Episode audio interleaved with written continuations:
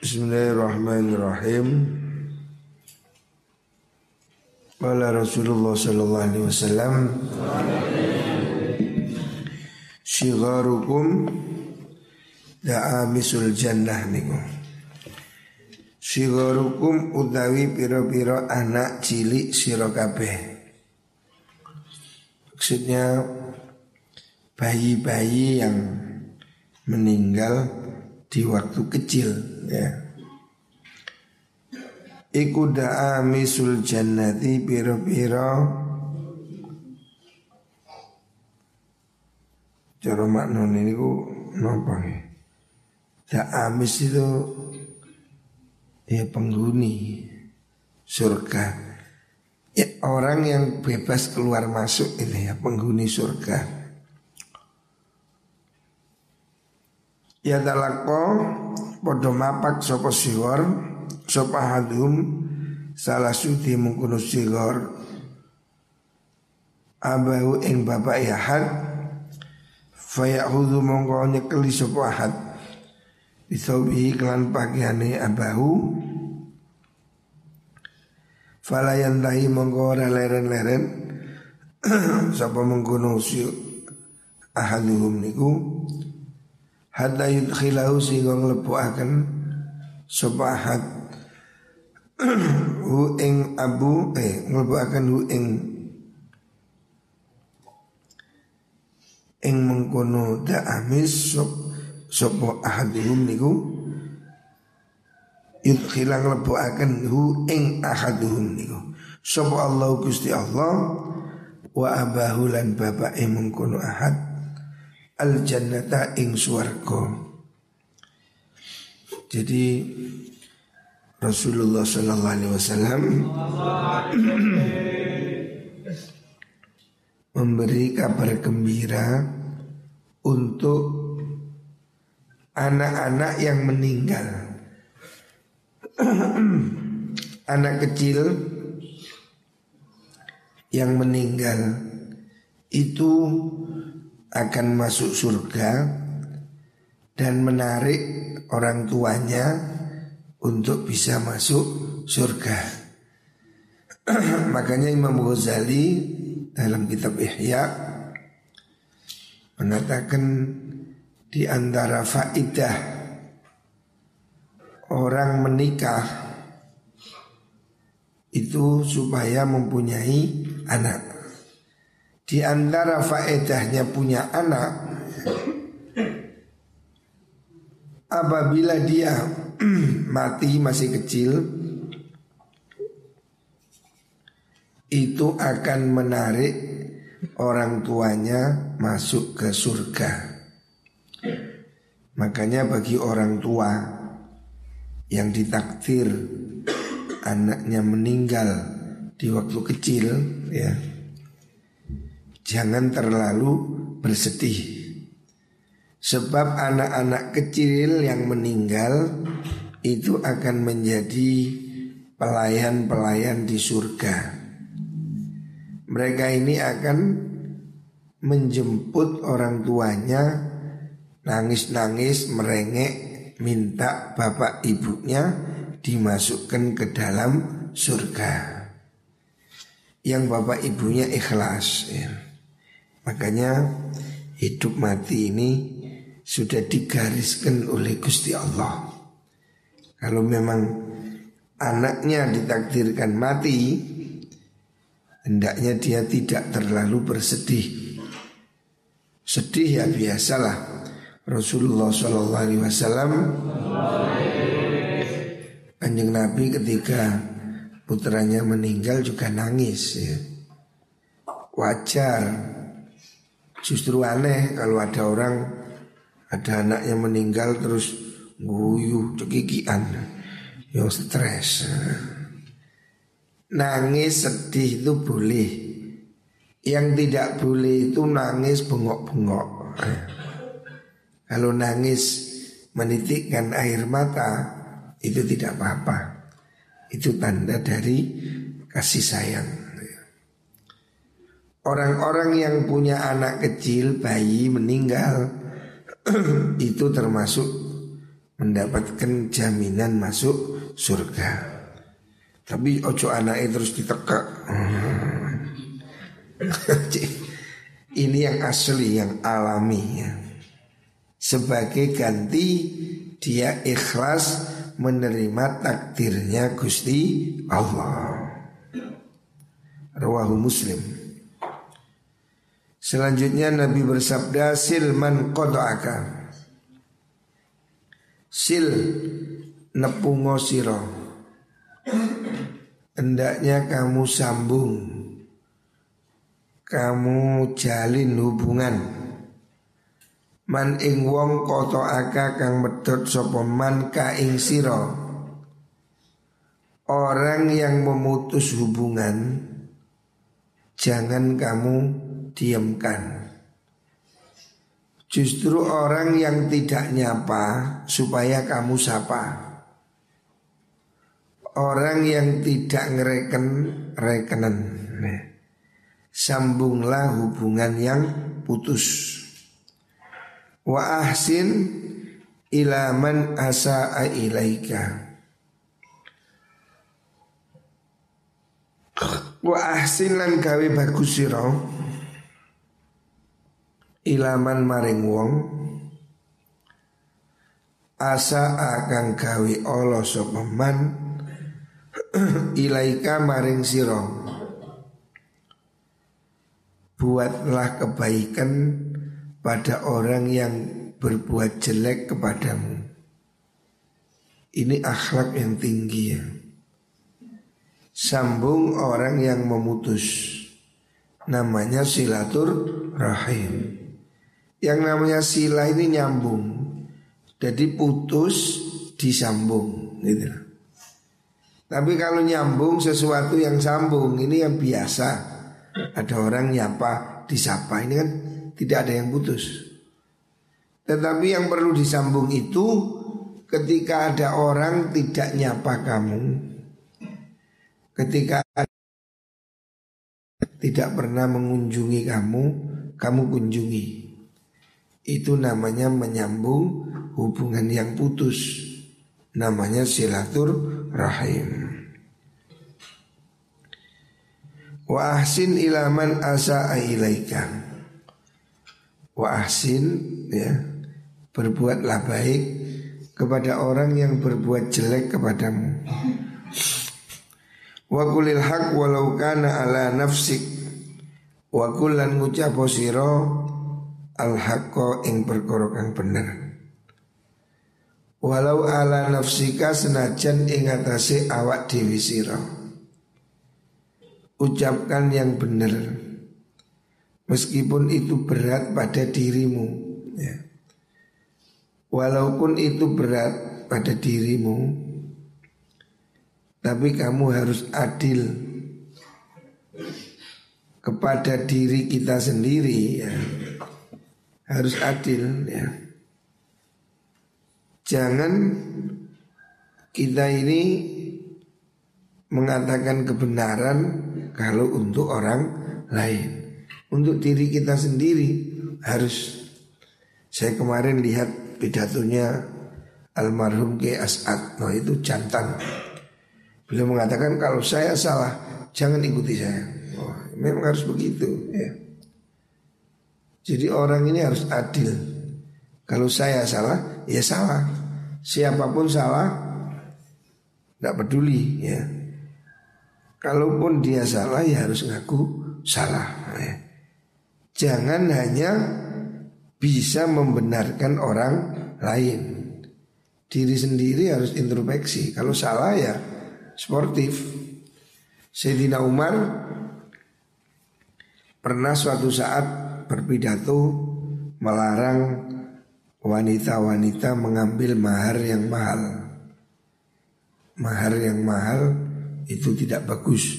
Sayyidina Umar melarang. Tetapi ada satu perempuan yang usul Umar mahar mahal itu diperbolehkan oleh kanjeng Nabi. Kenapa kamu melarang? Dia bacakan ayatnya dalam Al-Quran. itu ihdahunna qintaran. Itu kan mahar yang besar. Seketika Sayyidina Umar menerima Asobatil mar'ah wa akhta'a Umar Wanita itu benar Umar salah nah, Begitu Sportif Jadi orang kalau salah ya Ngaku salah Jangan ngeyel ya. Katakan yang benar Walaupun mengenai dirimu ya. Jangan kamu pilih kasih Rawahu Ibnu Najjar. Selanjutnya kala Rasulullah sallallahu alaihi wasallam Sholli sholata muwaddi'in. Sholli sholata siro Sholata muwaddi'in kelawan koyok sholate wong kang pamitan. Hendaknya kamu sholat yang bagus Seakan-akan kamu ini pamit. Ini sholat yang terakhir. Hendaknya kita setiap hari mengusahakan sholat yang khusyuk. Seakan-akan ini sholat terakhir. Bayangkan kalau nanti kita akan mati. Makanya sholatnya harus serius ya. Orang mau mati kan mesti dia perlu bekal Nah orang yang sholatnya serius sungguh-sungguh ini dia supaya merasakan, membayangkan seandainya nanti kita ini sudah mati. Maka saat ini kita perlu sholat yang sebaik-baiknya. Wa'budillah ka'annaka tarahu. Wa'bud lan nyembah sira Allah ing Allah. Ka'annaka kaya setini siro ikutarohu Ningali sirohu ing Allah. Hendaknya kamu menyembah Allah Seakan-akan kamu melihat Allah. Kamu dilihat orang saja Pasti merasa Ya Merasa sesuatu lah Sehingga kamu jadi baik Kamu dilihat manusia itu sudah merasa perlu berbuat baik. Padahal kamu setiap hari dilihat oleh Gusti Allah. Ibadahlah seakan seakan kamu sedang dilihat Allah. Kamu dilihat bapakmu saja, pasti kepingin kelihatan baik. Apalagi kalau dilihat oleh Gusti Allah. Fa inna Allah Iku roka ningali sopo Allah ka ing siro Allah itu melihatmu Maka jangan kamu sepelekan. Sholat jangan sak penae Kamu sedang dilihat oleh Gusti Allah. We'as mimma fi aidin nas lan ngeroso pegoto siro Ngeroso pedot jangan berharap Mimma saking perkara fi aidin nasi kang tetep ing dalam tangane menungso. Jangan mengharap apa yang dimiliki orang lain. Jangan tomak. Jangan mengharapkan pemberian orang. Ya. Hendaknya semua dari kita ini berusaha hidup mandiri Jangan hidup menjadi beban orang lain. Ya apa carane rek? Ojo seneng tomak, jangan mengharap pemberian orang lain. Kiai juga begitu, kiai juga harus kerja. Ustadz juga harus kerja ya. Kita harus punya kekuatan sendiri. Semua harus mau berusaha mencukupi kehidupan kehidupannya. Jangankan kita Rasulullah Shallallahu Alaihi Wasallam kanjeng Nabi itu loh bekerja. Kanjeng Nabi ini kan manusia istimewa. Kanjeng Nabi ini kekasihnya Allah. Tapi Nabi masih kerja. Nabi tidak terus diem dungo ya Allah sego pitik ya Allah ya Allah Indomie Nabi ya kerja Nabi tidak minta nasi ajaib dari langit. Indah. Kanjeng Nabi juga bekerja. Sahabat-sahabatnya Nabi juga bekerja. Ya. Makanya kita, apalagi santri, jangan kamu hidup menjadi benalu bagi orang lain. Jangan jadi males ya. Usahakan semuanya ini ya punya sifat punya semangat wirausaha. Jangan semua kepingin jadi pegawai. Pegawai ini tidak iso bebas. Lebih baik kita jadi wirausaha. Pengusaha ini gak butuh ijazah. Dodol sego goreng, ijazah ya apa? Ya gak ada yang sego goreng kok. Bakul bakso perlu ijazah. Gak perlu gitu. Jadi hari ini ijazah ini tidak begitu penting. Banyak orang sukses tidak pakai ijazah. Contoh orang hebat Jack Ma. Jack Ma ini konglomerat Cina tidak lulus kuliah. Itu siapa? Banyak contoh ya. Banyak contoh orang-orang yang walaupun tanpa ijazah tapi penghasilannya luar biasa. Hari ini sudah tidak harus sarjana, tidak harus. Sarjana malah banyak nganggur. Sebab sarjana nyebut gaya mele-mele. Sarjana di bakul telo izin. Sarjana di dodol bakso gengsi. Akhirnya dia jadi pegawai walaupun rendah. Santri jangan malu. Bisnis wirausaha, dagang. Kamu dagang apa pun hari ini gampang bisa online. Buka warung online jualan online. Sekarang ini sudah sistem online ini. Sekolah aja online, kelas online. Nah, sekarang sekolah akibat online ini orang tua ini bebannya tambah besar. Bayar pulsa, beli handphone. Padahal anak kecil itu kalau dipegangi handphone, sing apa? Ya YouTube. Pelajarannya ya mungkin disetel tapi gak didelok. Cara bolos hari ini lebih gampang. Zaman biyen bolos kan lompat jendela. Hari ini gak usah. Sekarang pelajaran online cukup masuk tapi gambarnya ditutup. Wis itu linan. Bolos era modern. Sekarang kan di mana-mana ada pertemuan pakai Zoom. Zoom kita masuk setelah itu nggak ngirakan bisa. Handphone disekek uangnya nyingkir ya handphone muni terus. Ini dampak teknologi yang negatif di situ. Tapi dampak positifnya hari ini orang jual beli ini semakin lancar. Pasar sekarang hampir kalah sama online ini. Contoh dapur kita ini dapur pondok ini Cak Malik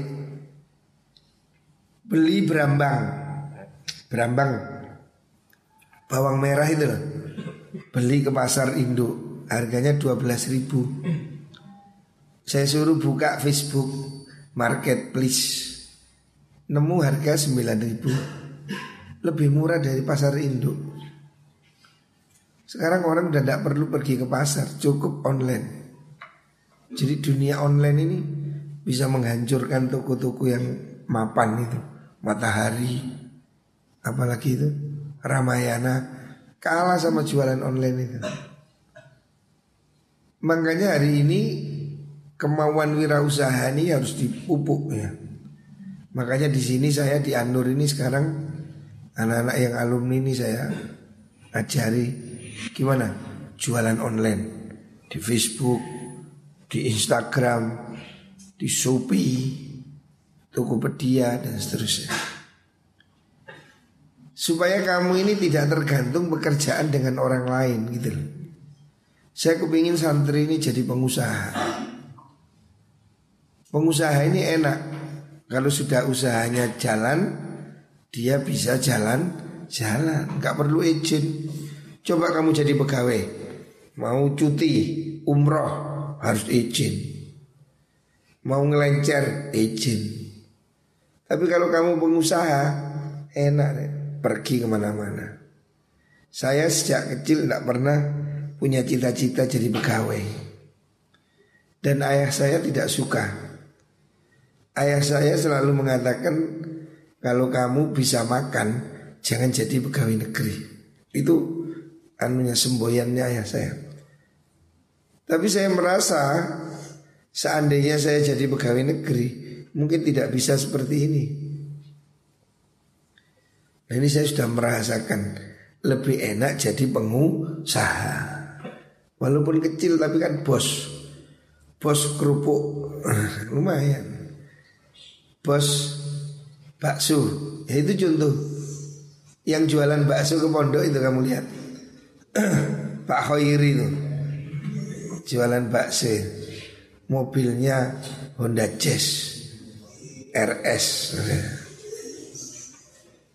Ikut itu alumni sini tuh Pak Khair ini alumni Anur satu sini Jualan bakso sudah naik sedan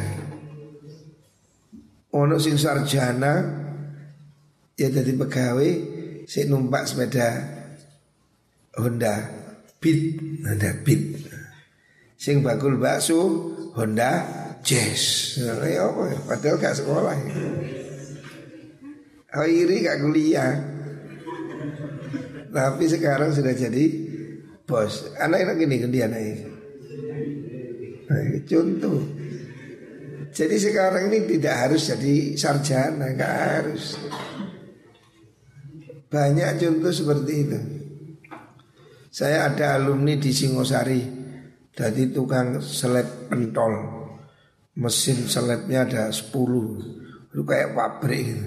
Ganti sekolah. Jadi yang penting kamu ini tekun ya.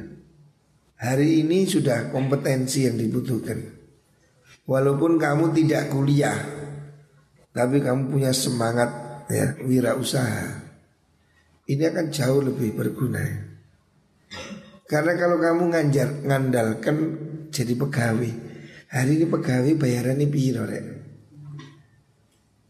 Jangankan pegawai yang rendah, pegawai yang sudah lumayan lah umpamanya dosen berapa sih gajinya? Tidak banyak. Istri saya kan dosen, udah berhenti. Istri saya ini kan dosen di perguruan tinggi negeri terbesar di Malang. Gajinya 7 juta. Padahal wis dosen. Sekolahnya S3. Bayarannya pitung juta. Bagul bakso itu kan Saulan ki oleh nek selawi juta. Bukti ini itu tuku motor, tuku tegal. Jadi semangat usaha ini penting. Makanya saya kepingin kamu bisa jadi pengusaha. Ya pertama itu adalah nopo. Lama-lama besar. Ya. Dari kecil. Boiku bakul-bakul nopo. Tapi penting kita harus punya keinginan untuk hidup mandiri. Jangan jadi beban orang lain. Ya. Tais mongko urip siro ghaniyan halisuki. Kalau kamu tidak butuh orang lain, kamu kaya. Ya contohnya pengusaha itu. Kan kamu nggak butuh order dari orang, kamu kerja aja. Apa yang bisa kamu lakukan Lakukan ya. Menjadi pengusaha Atau boleh jadi pegawai juga boleh Yang penting prinsipnya Jangan hidup jadi beban orang lain Wa iya kalan siro Wa malan perkoro Yuk tadaru kang den gawe alasan apa minhu saking ma. Jangan kamu membuat sesuatu yang perlu kamu menjadi minta maaf. Artinya jangan bertindak sembrono gitu. Hendaknya kamu menjauhi sesuatu yang kamu akan menyesal sehingga kamu harus minta maaf. Ngomong dipikir ya. Santri harus sopan. Pakaian yang kamu kenakan itu kan harus pantas. Ucapan kita ini seperti pakaian kita. Menunjukkan selera kita.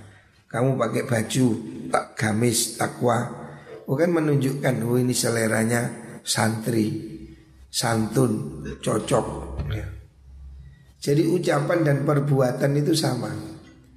Artinya harus disesuaikan. Kalau kamu ucapanmu itu jorok, sama dengan kamu pakai baju jowelek, bawane kelambian, sing kene gambare wong wedok muda, kene melding, kayak kene silit, kene ngono Coba kamu bayangkan. Orang kan menganggap kamu sinting, ini sinting ini. Masa sholat terus bajunya gambar cewek, jengking, muda, jengkulitan, kayak gini tumbak-tumbakan. Orang gendeng ini kan mencerminkan selera. Bajumu itu mencerminkan seleramu. Kalau orang pakai jas gini kan, wah kelihatan ini formal. Kelihatan orangnya akan menilai pakaian itu pantas gagah. Ucapan juga begitu, deh. Ucapanmu itu akan menunjukkan siapa kamu. Seperti bajumu. Makanya kamu kan baju kan milih-milih. Oh, mau ngaji pakai baju tertib mau bal-balan yo siji masuk bal-balan kate jasam ya bal-balan ya sing jadi memilih pakaian itu seperti memilih ucapan. Menunjukkan kualitas dan selera. Kalau kamu ucapanmu itu jorok gak genah ya sama dengan kamu memakai pakaian yang tidak tidak layak ya. Kamu akan ditertawakan orang. Lawang pengajian bawa nih Kayak kaos kotang. Ini ngemis ngaji. Ya kamu akan jelek ya. Pakaianmu akan menilai kamu siapa. Makanya Walaupun tidak baru Usahakan pakaian itu rapi ya. Semuanya saya minta Yang bisa jaga pakaian. Jangan ada pakaian dibuang-buang. Itu eman itu. Mubazir. Caranya saya dulu di pondok nyuci itu setiap hari. Jadi cucian jangan ditumpuk di kaleng sampai 10 hari sampai jadi tape. Bosok. Nyuci usahakan setiap hari. Saya dulu nyuci itu setiap hari. Siang habis nuhur mandi, baju saya bawa, taruh di bawah kaki saya mandi, bajunya di bawahnya. Habis itu saya sabunan, baju saya sabun. Habis itu saya mandi, baju saya bilas. Jadi setiap hari baju saya cuci. Selesai, tidak ada baju hilang. Terus nyetrikanya, setrika ajaib. Nah, apa itu? Koper. Nah, jadi kalau malam hari baju saya lempit, tak taruh di bawahnya koper. Kalau nggak begitu tak taruh di bawahnya bantal. Sudah lapi sendiri, tidak pakai laundry. Ada saya iki keminyi laundry. Kowe anak direktur BCA. Mondok belajar sederhana. Tidak perlu laundry sebetulnya. Kecuali musim hujan mungkin ya. Kalau macam begini daripada duit kamu bikin laundry, cuci sendiri. Ya begitu caranya. Jadi kalau bajumu kepingin rapi, ya nyucinya pakai kasih softener. Setelah dijemur, dilempit, taruh di bawahnya baju. Kadang gitu tak lunggui. Jadi baju tak lempit, tak taruh di bawah bantal, bantalnya tak lunggui mbak sinau ini. Sudah selesai bajunya rapi. Ya tidak terlalu rapi tapi kan lumayan lah. Daripada ketok mual-mual. Jadi kamu harus belajar ya Penampilanmu itu menunjukkan siapa kamu Santri ya harus cocok Bajunya yang sopan Ucapannya juga harus sopan ya. Saya minta jangan ada yang misu-misu ya. Itu tidak mencerminkan santri. Harus dipikir. Ngentut ya lo tolak tolak Konti ngentut anda lo Wong apa Ngentut? Lah masuk ngomong kalah mek ngentut. Nah. Ngentut aja masih kita pikir ya. Apalagi mulut. Mulut mau ngomong dipikir. Jangan mulut kalah dengan kentut. Ngomong tak kentut Wapret Ya hati-hati. Jauhi sesuatu yang membuat kamu harus minta maaf. Artinya kecerobohan-kecerobohan harus dihindari. Daripada nanti kamu harus minta maaf. Sekarang ini kan ada undang-undang ITE Orang bikin status di Facebook bisa dituntut ke pengadilan ya. Kamu juga ngomong ngilok wong, oh bisa dituntut sekarang. Nyesel. Makanya hendaknya bicara harus hati-hati ya. Jo ilo-iloan. Jangan maki-maki orang ya. Lebih baik diem Berkata yang baik atau lebih baik diem Yes, menengoy Daripada misuh lebih baik diam. Muga-muga pape paringi selamat. Al-Fatihah.